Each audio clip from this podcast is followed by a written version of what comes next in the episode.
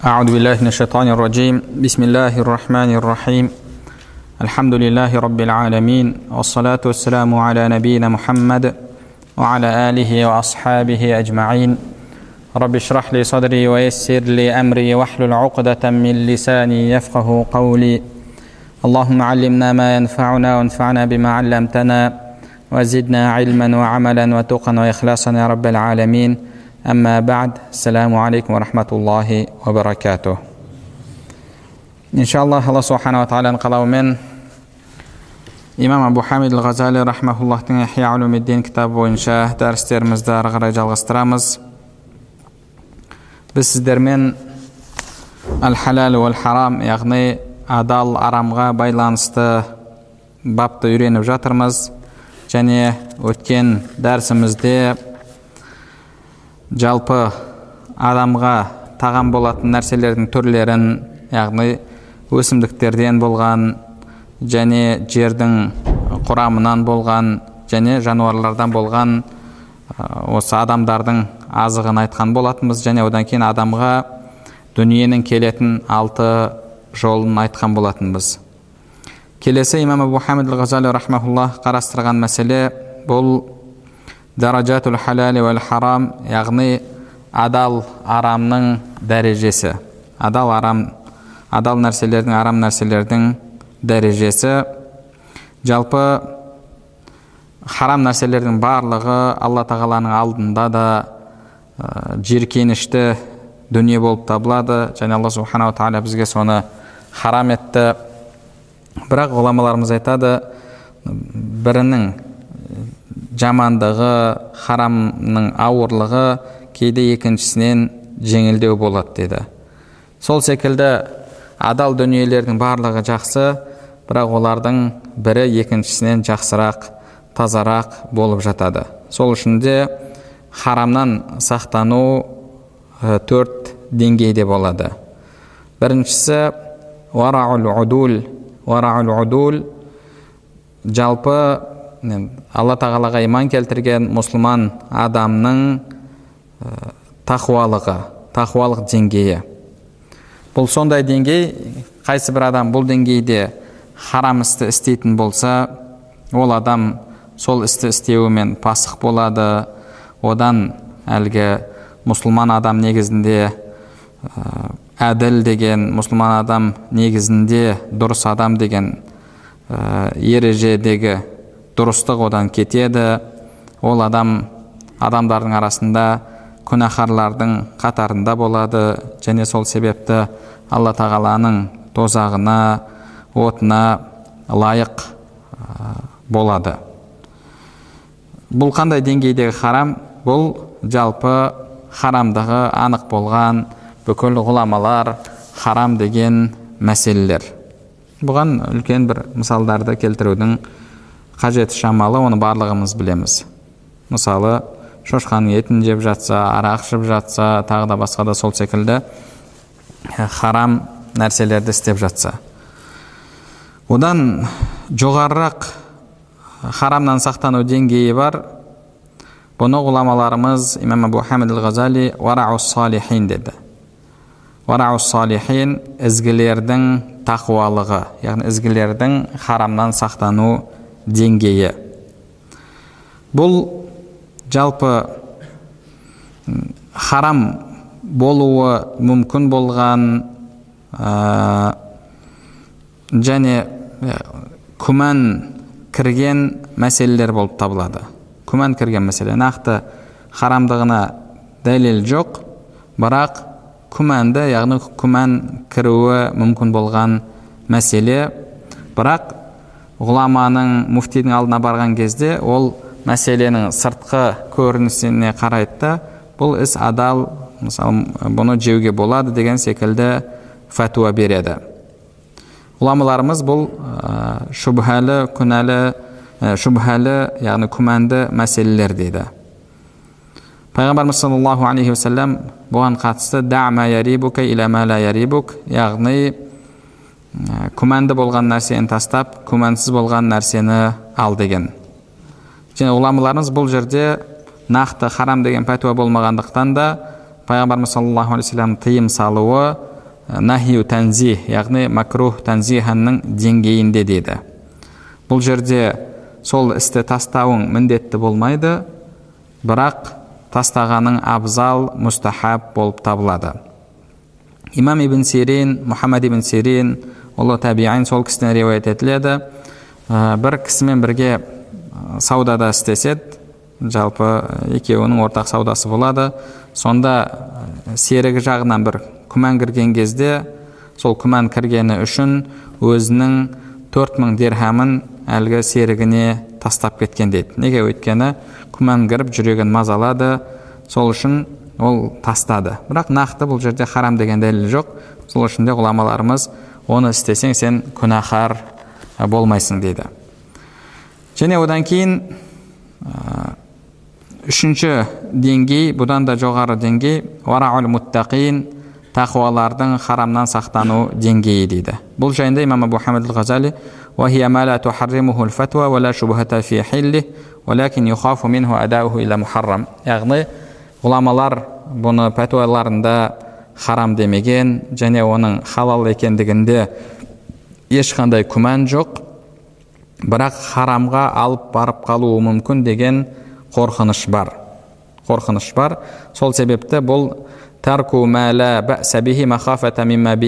яғни бағанағы харам нәрсеге алып баруы мүмкін деген себеппен халал болған нәрседен сақтану дейді. Пайғамбарымыз саллаллаху алейхи уассаламның сахабаларынан риуаят етіледі біз бірнеше түрлі сәбәина бәбән яғни жетпіс түрлі мубах нәрселерді тастайтын едік харамға түсіп қалмау үшін дейді харамға түсіп қалмау үшін дейді яғни бұл жалпы үшінші деңгейдегі алла субханала тағаланың алдындағы алла тағала харам еткен нәрселерден сақтану болып табылады омар радиаллаху анхуден риуаят етіледі бірде бахрейн елінен көп мөлшерде миск келеді яғни әтір иіс су келеді сонда омар радиаллаху анху айтады бір ә, әйел болса осыны жақсылап бөліп беретін болса бұл әйелдердің жұмысы болған ба мен бұны мұсылмандардың арасында теңдей бөліп берсем дейді сонда омар радиаллаху анхудың әйелі атика мен ә, таразылауды білемін бұл мәселенің маманымын дегендей сөзді айтады. Сонда омар радиаллаху анху үндемейді. Үндемей қалады. Кейін әлгі сөзін қайтадан айтқан кезде әйелі қайтадан солай жауап береді. Мен істей аламын мен істейін деп. Соңында омар радиаллаху анху айтады.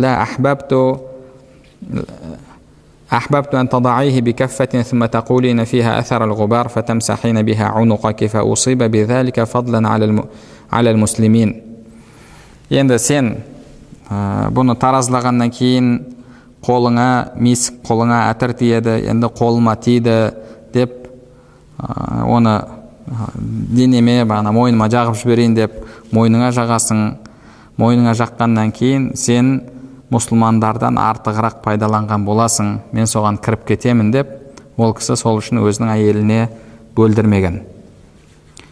Негізінде қарап отыратын болсақ енді қолында мысалы қолына тиген нәрсе енді мұсылмандардың арасында теңдей бөліп берейін деген кезде әйелімнің қолында әтір қалып кетсе ол артығырақ пайдаланған болады деп сол харамға алып бармасын деп ол кісі сақтанғандықтан осы нәрселерді істеген. Бірақ негізінде қарап отыратын болсақ фәтуа тұрғысынан алғанда бұл ешқандай бір харам іс емес. Және қолына тиген әтірді мойнына жағуы харам іс емес. Бірақ омар радиаллаху анху сондай бір ә, харамға алып барып қалмасын деген сақтықпен осылай істеген еді. Бұны жалпы уараул муттақин дейді. Уараул муттақин яғни харамға алып барып қалуы мүмкін. Мынаны істесем ертең мына нәрсеге есік ашылуы мүмкін деген бір қорқыныш болатын болса сол кезде ә, сондай адал нәрседен сақтану. Адал болса да харамға алып барып қалу ықтималы бар. Сондай кезде сақтануды уараул муттақин дейді. Және одан кейінгісі ә, сиддиқин деп имам абу хамид ғазали айтады. Бұл жалпы негізінде харам емес күмәнді емес және харамға алып бармайды. Бірақ әлгі адамның ниеті ол жерде соны алуда жеуде алла разылығы болмағандықтан ниеті бөтен ниет болғандықтан да сол нәрседен бас тартады. Сол нәрседен бас тартады. Бұл жалпы сиддиқин дейді. Әлбетте енді бұл өте бір сондай қиын деңгей бұдан алдыңғы деңгейлерге мұсылмандар амал ететін болса соның өзі олар үшін иншалла жеткілікті болады. Біріншісі әлгі әрбір мұсылман сақтану керек болған ә, харамдар. Ол жерде харам екендігінде күмән жоқ ғұламалардың барлығы пәтуаларында харам деп жатқан мәселе. Екіншісі харам деген нақты дәлел жоқ бірақ күмән кірген мәселелер. Үшіншісі харам емес күмәнді емес бірақ харамға алып барып қалуы мүмкін харамның есігін ашып жіберуі мүмкін деген мәселелер. Осы тұрғыдан да ә, әбу бәкір радиаллаху анху әлгі сүтті ішіп қойған кезде соны қайтадан құсып тастаған еді. Өзінің қолындағы құлы қызметшісі сүт алып келген кезде бұны қандай ақшаға алып келдің? дегенде не? деді. Мен ана пал ашып адамдарға пал ашып беріп алып келдім деді. Енді тікелей сүт берді ме ақша беріп соған сатып алды ма аллаху алам соны естіген кезде әбу бәкір радиаллаху анху қолын тығып құсқан еді. Мен ішіме харам кіріп кетті. Сол харам мен жүрегіме жүрегіме әсер етпесін менің ішкі жан дүниемді бұзбасын деп ол кісі бір харам нәрсеге зиянды нәрсеге алып келмесін деп сол нәрсені істеді. Негізінде білместен ішіп қойған нәрсені адамның шығаруы міндетті емес. Яғни құсып оны шығарып тастауға сіз міндетті емессіз. Аузыңызда тұрса аузыңыздағын төгіп тастайсыз одан кейін тыйыласыз. Ал омар әбу бәкір радиаллаху анхудың істегені бұл жалпы маған жаман әсерін бермесін осы харам дүние деген ниетпен істелінген іс еді. Және одан кейін ә, келесі қозғалатын мәселе бұл фимаратиби шубухат. Яғни шубхалы нәрселердің дәрежесі дейді пайғамбарымыз саллаллаху алейхи уассалам өзінің хадис шәрифінде әл халалу байин уәл хараму байин уа байнахума умурун муштабихат ла я'ламуха кафиру минан нас адал анық арам нәрселер де анық екеуінің ортасында ә, күмәнді болған мәселелер бар оларды адамдардың көпшілігі біле бермейді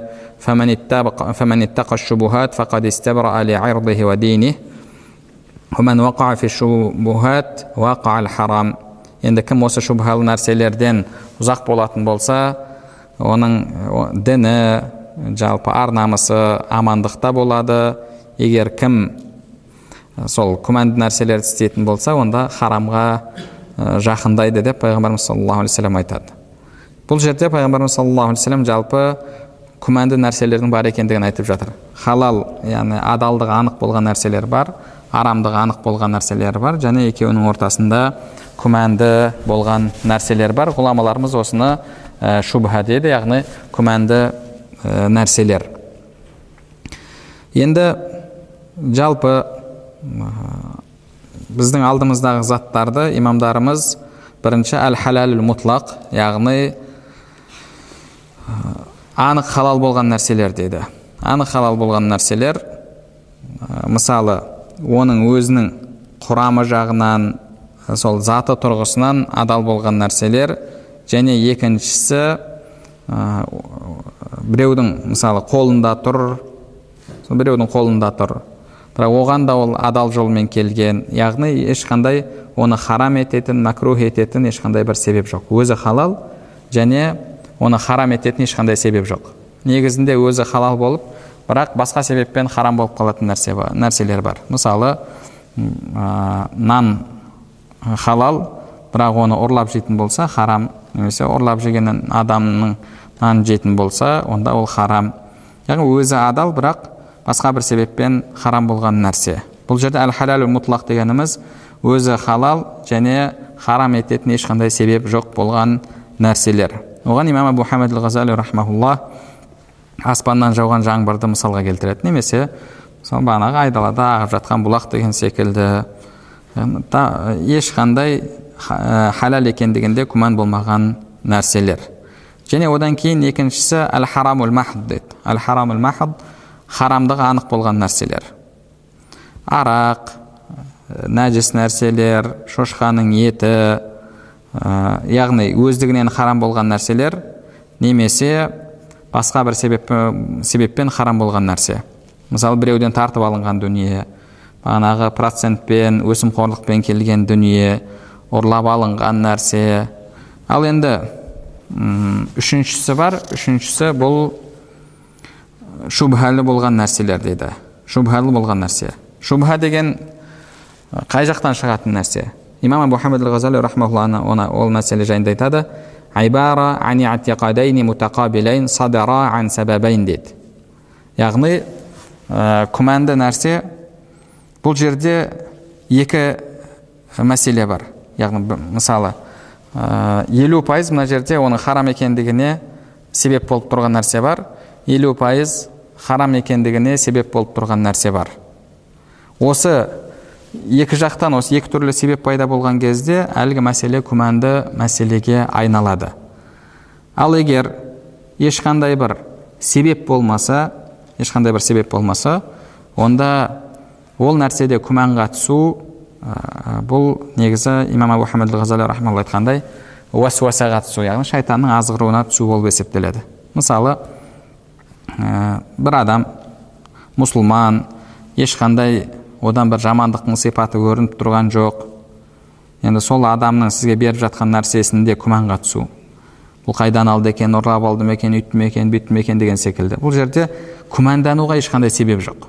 Күмәндануға себеп болмаса да сіз күмәнға түсетін болсаңыз бұл шайтанның азғыруына түсу болып табылады. Ал күмән деген кезде яғни екі жақты екі мықты себеп болып тұр. Сол екеуі бір біріне қарама қайшы келген кезде бұл нәрсе күмәнді мәселеге айналады. Ал енді ә, сол ә, күмәнға себеп болатын нәрселер төрт түрлі болады дейді. Имам абу хамид айтады. Енді бұл жерде екі жақта екі түрлі себеп бар. Халал ететін себеп бар харам ететін себеп бар. Егер харам ететін себеп басым келетін болса онда ол харам болады. Халал ететін себеп басым келетін болса онда халал болады. Ал егер екеуі тең келетін болса егер екеуі тең келіп тұрса онда біз алдыңғы үкімге қайтамыз дейді. Алдыңғы үкімге қайтамыз. Яғни истисхаб. Мысалы истисхаб деген жалпы фихта мәселе бар. Истисхаб деген не? Истисхаб деген алдыңғы үкімді алдыңғы жағдайды қазіргі уақытқа алып келу. Мысалы бір адам жоғалып кетті. бір адам жоғалып кетті. бір жыл болды екі жыл болды. Енді ол адамды біз өлді деп есептейміз бе немесе тірі деп есептейміз бе? ол адамның тірі екендігі біз үшін яқин яғни тірі болған біз оны білеміз көргенбіз енді бұл жерде өлді деп үкім шығару ол неге негізделеді? Мысалы бір жыл жоғалып кетті екі жыл жоғалып кетті. Ол өлді деп оған үкім шығарып оның дүниесін артындағы мұрагерлеріне таратып беруге ешқандай бір себеп жоқ. Бұл жерде біз не істедік? Мынау алдыңғы үкімді яғни ол адам тірі деген үкімді қазіргі уақытқа алып келдік. Бұны не дейді? Истисхаб дейді. Бұны истисхаб дейді.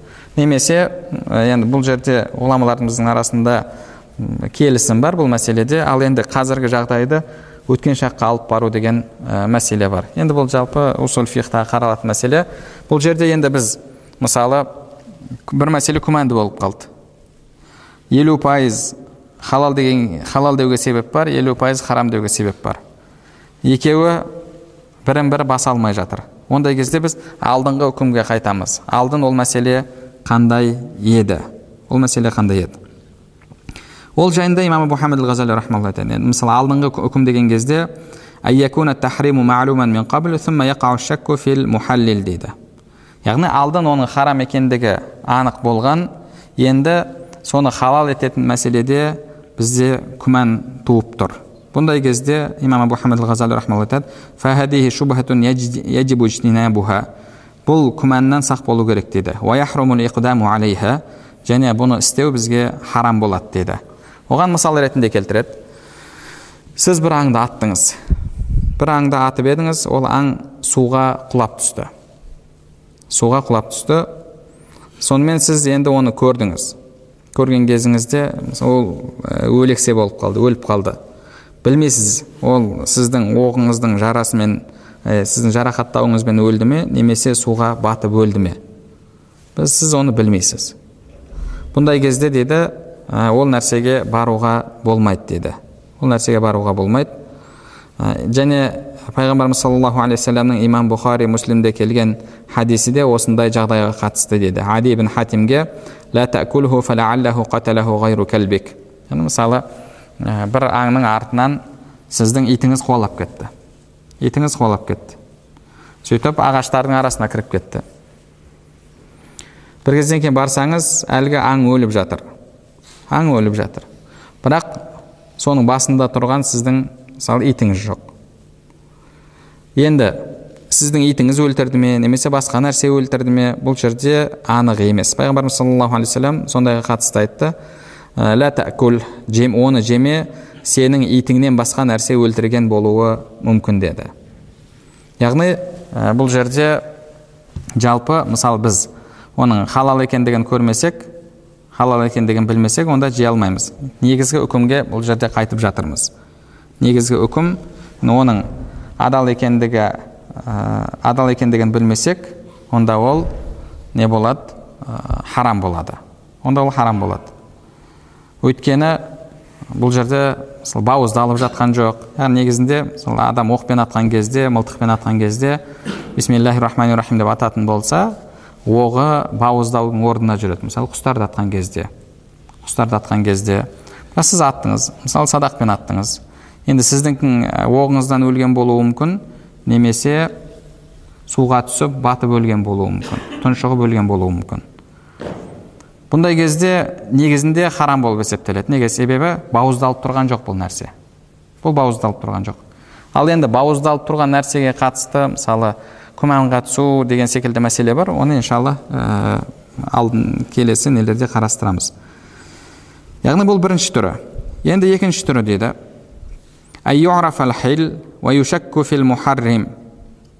Оның адал екендігі анық бірақ енді харам болуы мүмкін деген адам күмәнға түседі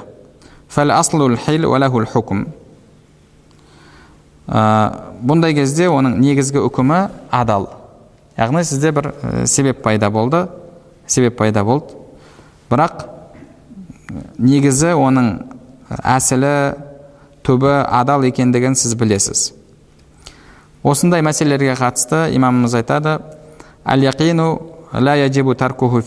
яғни анық болған нәрсені күмәнмен тастау міндетті емес дейді күмәнмен тастау міндетті емес енді үшінші түрі ولكن طرأ ما أوجب تحليله بظن غالب فهو مشكوك فيه والغالب حله واجتنابه من الورع негізінде әсілінде ә, харам бірақ оны халал ететін себеп бар және ол себеп өте күшті өте күшті себеп бұндай кезде бұл мәшкукун фихи яғни бағанағы ә, күмәнді мәселеге кіреді бірақ ә, күштірегі жалпы яғни негізгі басымырақ болғаны оның адал екендігі дейді. Ал тастау болатын болса хара, ә, тақуалық тұрғысынан дейді. Яғни одан сақтану бұл тақуалық тұрғысынан болады дейді. Оған мынандай мысал келтіреді. Бір аңды аттады бір адам. Кейін ол аң көзінен ғайып болады кейін ол аңды тауып алады өліп жатқан жерінен тауып алады қараса ол аңның денесінде бұның оғынан басқа ешқандай оны жарақаттаған өлуіне себеп болған еш нәрсе жоқ бірақ басқа нәрседен өлген болуы да мүмкін ықтимал бар бірақ негізінде қарасаң ешқандай оған себеп жоқ яғни әлгі мысалы суға түскен аңда ол әбден тұншығып өлген болуы мүмкін әбден мүмкін тұншығып өлген болуы. А мына жерде бірақ ондай бір ә, оны хала, харам болып қалуын күшейтетін ешқандай бір себеп жоқ. Бұндай кезде әл мұхтар аннаху халал дұрысырағы ол халал болып есептеледі дейді. Халал болып есептеледі өйткені сіздің оғыңыздың әсері тұр соның себебімен жарақаттанып өлген болуы әбден мүмкін. Енді басқасы бұл жерде күмәнді дейді. Күмәнді бірақ күмән бұл жерде әлсіз күмән. Сол себептен оны халал деп есептейміз. Енді ә, егер біреу сақтанам десе онда ол сақта, ә, сақтану жалпы тақуалық тұрғысынан ғана болады дейді. Енді төртінші түрі дейді негізінде негізінде адал болған нәрсе бірақ оны арам ететін себеп өте күшті дейді. Өте күшті және шариғат есепке алатын ә, себеп ондай кезде негізгі үкімі жойылады да ол харамға айналады деді. Оған иншалла ә, кейін ә, бұл мәселеге тағы да мысалдар келіп жатады. Енді бұл жалпы имам абу ғазали қарастырған бұл мәселе әшшак фи мухаррим дейді. Яғни бір нәрсені адал ету немесе арам етуде адал ететін нәрселер мен адам арам ететін нәрселерде күмәнға түсу мәселесі дейді енді екінші тағы бір мәселе бар. Бұл дейді бұл бір нәрселердің араласып кетуімен күмән пайда болған нәрселер. Бір нәрсе яғни араласып кетудің себебімен күмән тудырған нәрселер. Яғни адал мен адам адал мен арам халал мен харам араласып кетеді. Сөйтіп араласып кеткеннен кейін сіз ажырата алмай қаласыз. Ажырата алмай қаласыз. Бұл кезде бұның үкімі қалай болады? Имам абу хамид айтады бірінші түрі дейді санаулы харам нәрсе шектеулі харам нәрсе шектеулі халалмен араласып кетті. Араласып кетті. Мысалы он бауыздалған қой он бауыздалған қой немесе тоғыз бауыздалған қой соған ә, бір бауыздалмаған бірақ сойылған әлгі өліп қалған өлексе бірақ кейбіреу оны сойып алды. Соның еті бауыздалған адал қойлармен араласып кетті. Бұл жерде харам да шектеулі халал да шектеулі. Имамдарымыз айтады ондай кезде барлығы харам болады да оның барлығын тастау керек дейді себебі сен білмейсің. Қайсысы? Бұл жерде біле алмай тұрсың. Қайсысы бауыздалмай арам өлген қой. Бірақ араласып кетті. Немесе мысалы бағанағы сізден сіздің әйеліңізден емген қыз. Сіздің ана сіздің әйеліңіз оған сүт ана. Сол әйеліңіз сүт беру тұрғысынан сіз оған әке болып есептелесіз. Дейді араб тілінде. Яғни сол емізу тұрғысынан ғана әкесі болып есептелесіз.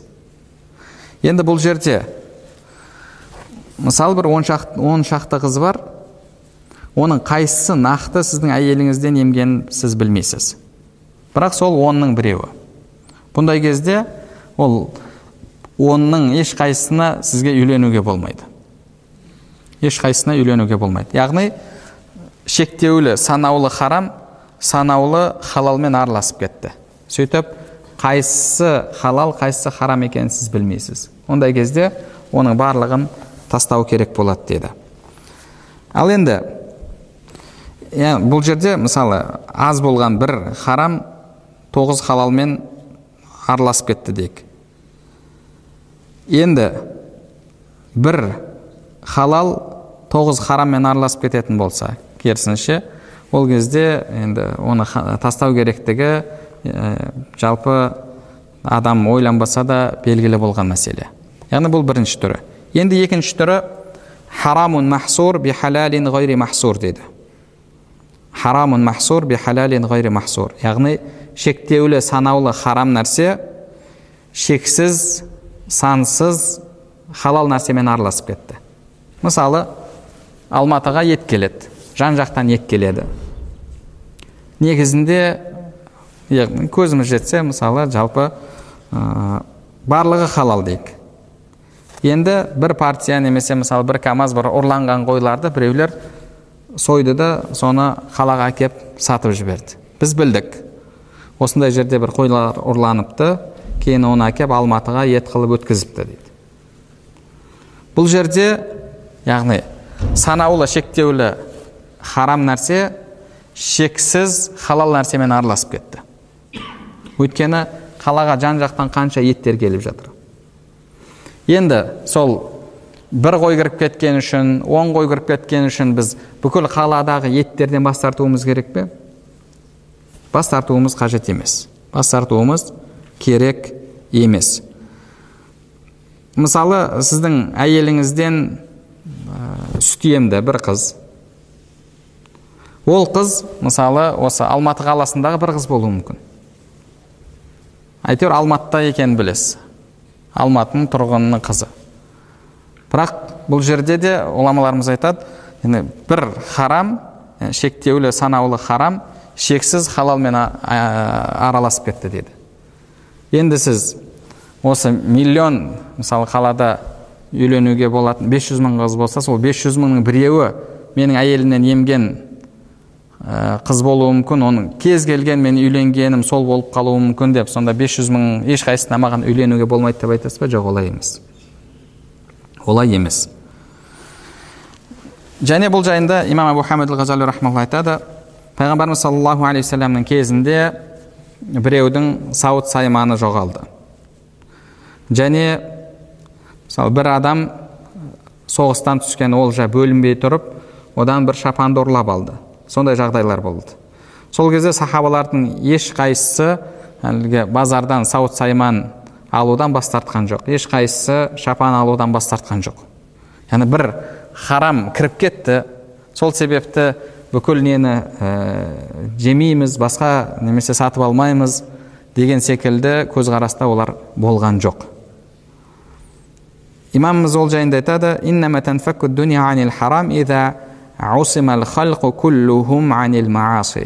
жалпы дүние қашан харамнан пәк болады?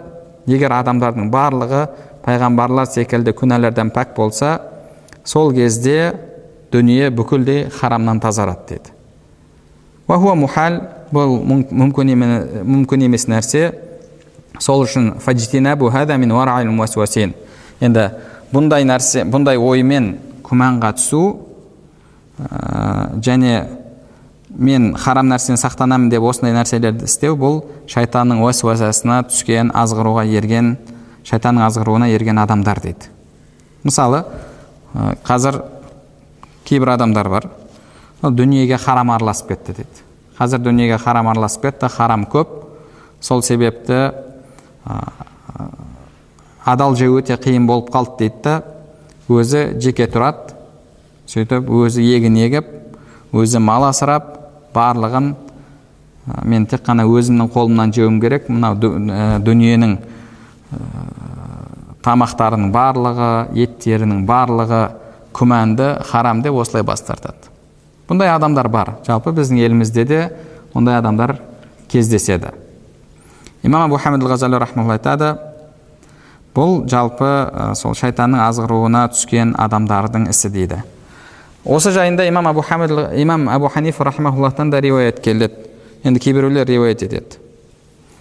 Бұл риуаяттың қаншалықты рас ә, рас емес деген мен ә, өзім білмеймін.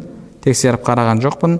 Бірақ бұл оқиғаны мен ә, ғұламалардың әлгі есепке алынатын сондай салмағы бар кітаптарынан да кездестірген жоқпын. Бірақ кейбір молдалардың аузынан естігенмін. Имам абу ханифа рахимахуллахтың кезінде сол ауыл куфада болса куфада бір қой ұрланыпты. Содан кейін ол кісі шамамен бір қой қанша жыл өмір сүреді мынанша жыл өмір сүреді ондай болса деп сонша жыл ет жемеген екен деп осындай риуаяттар келеді. Бірақ негізгі ережеге салатын болсақ бұл іс дұрыс емес. Бір қой ұрланды деп сонымен сол үшін бүкіл қойлардан бас тарту бұл негізінде дұрыс іс емес сахабалар да олай істемеген бұлай күмәнға түсу бұл дұрыс емес және ә, харамнан сақтанамын деп бұлай істеу бұл негізі шариғатымызда ә, жалпы істеу керек болған талап етілген харамнан сақтанудың түрі емес және одан кейін үшінші түрі, түрі дейді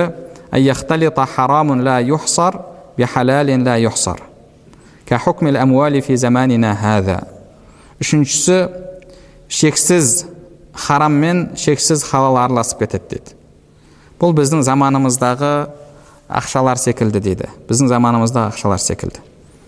Ол кісінің заманында ондай болатын болса біздің заманымызда тіпті одан да көбірек. Неге? Өйткені мысалы қанша адамдар кредитпен ақша алып жатыр кредитпен ақша алады кредитке ақша алады ол ақшасы араласып жатыр халалмен халал мен харам яғни шексіз халалдар мен шексіз харамдар бір бірімен араласып жатыр бұндай кезде не істейміз имам абу хамид ғазали рахмалла айтады لا يحرم بهذا الاختلاط أن يتناول شيء بعينه احتمل أنه حرام وأنه حلال яғни халал болуы да харам болуы да мүмкін болған нәрсе біздің таңдауымызда харам болмайды деді.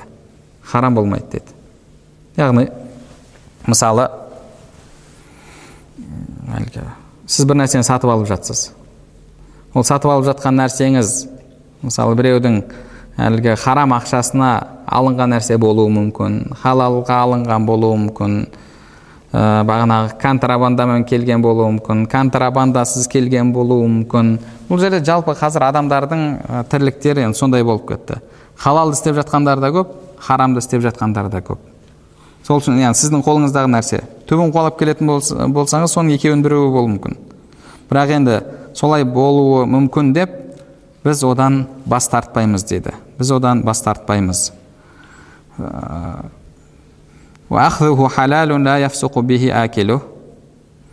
Оны алу халал оны алумен адам пасық болмайды дейді. Пасық болмайды. Жалпы яғни қазіргі жағдайда сол себепті жалпы күмән кіріп кетті. Енді біз сақтануымыз керек дейтін болсақ онда неден сақтануымыз керек екенін де білмейміз. Себебі ә, халал мен харам харам дүниелер мен халал дүниелер көптеп араласып кетті. Имам абу хамид ғазали айтады яғни нақты мына нәрсенің харам екендігін харам жолмен келгендігін біліп көзің жетпесе онда халал мен харамның араласып кеткені үшін оны тастау міндетті емес дейді. Оны тастау міндетті емес. Өйткені бұл жерде екеуі де шексіз. Бірақ басында айтып кеттік санаулы шектеулі болса сақтану мүмкін болған нәрсе болса онда сақтану міндетті болады. Міндетті болады. Енді одан кейінгі мәселе бұл енді халал нәрсеге күнәнің араласуы күнәнің араласуы бұл яғни негізінде халал болған нәрсе бірақ ә, оған күнә араласып жатыр мысалы сіздің қойыңыз халал оны біреу ұрланған пышақпен бауыздады ұрланған пышақпен бауыздады немесе бір адам мысалы сіз оның үйінен барып тамақ жейін деп жатқан адам арақ шығаратын немесе вино жасайтын адамға бауындағы бақшасындағы жүзімін сатады немесе мысалы адам өлтіретін біреулерге ә, бір адам қару жарақ сатады яғни бұл іс негізінде халал жүзім сату негізінде халал әлгі қару жарақ сатуда қару жарақтың ә, дүкені болатын болса лицензиясы болса мемлекеттен рұқсатын алған болса онда Ә, ол да халал іс болып табылады. Қойды бауыздау да халал. Барлық халал нәрселер бірақ бұған әлгі күнәлар араласып жатыр. Яғни біреу мысалы біреу күнә істейтінге сатып жатыр екіншіде күнә істейтінге сатып жатыр. Мына жерде ұрланған нәрсе мысалы бір адам ұрланған жай намазда тұрып намаз оқыды дейік. Немесе ұрланған сумен дәрет алды дейік. Бұл жерде имамдарымыз айтады жалпы ол нәрсе харам болмайды харам болмайды. Бірақ ә, егер сіз ол ісіңізбен біреудің күнә істеуіне көмектесіп жатсаңыз сол тұрғыдан сіз ә, алла тағаланың алдында күнәһар боласыз деді. Яғни әлгі адамның жүзім сатқан адамның ә, дүниесі сіз үшін харам емес. Оның ә, сол ақшаға алып жатқан ә, бағанағы азық түлігі харам емес. Бірақ күнәға көмектесіп жатқаны үшін ол алла тағаланың алдында күнәһар болып есептеледі. Әлгі вино жасайтын адамға жүзім сатып жатқан адам сол күнәға көмектесіп жатқаны үшін ә, күнәһар болады. Бірақ оның ісінің өзі яғни жүзім сату харам іс болмағандықтан да оның біз дүниесі бағанағы алған тамағы харам болып кетеді деп айтпаймыз дейді харам болып кетеді деп айтпаймыз жалпы, бұл ә, имам абу ханифа имам малик имам шафилердің көзқарасы имам ахмадтан ә, дұрыс емес деген көзқарас келеді ол кісі егер сен біреуден тартып алған сумен дәрет алсаң дәретің дұрыс емес дейді ұрланған жай намаздың үстінде тұрып немесе біреуден тартып алынған жерде тұрып намаз оқитын болсаң намазың дұрыс емес дейді намазың дұрыс емес дейді. Біздің имамдарымыз айтады намазың дұрыс дәретің дұрыс бірақ сен алла тағаланың алдында күнәһарсың дейді. Ұрланған жай намазда тұрсаң ұрланған жерде тұрсаң ұрланған сумен дәрет алатын болсаң дейді. Яғни ол ә, екінші тұрғыдан күнә болады бірақ ол істің өзі яғни мысалы жерде тұрып намаз оқу харам іс па? Харам іс емес.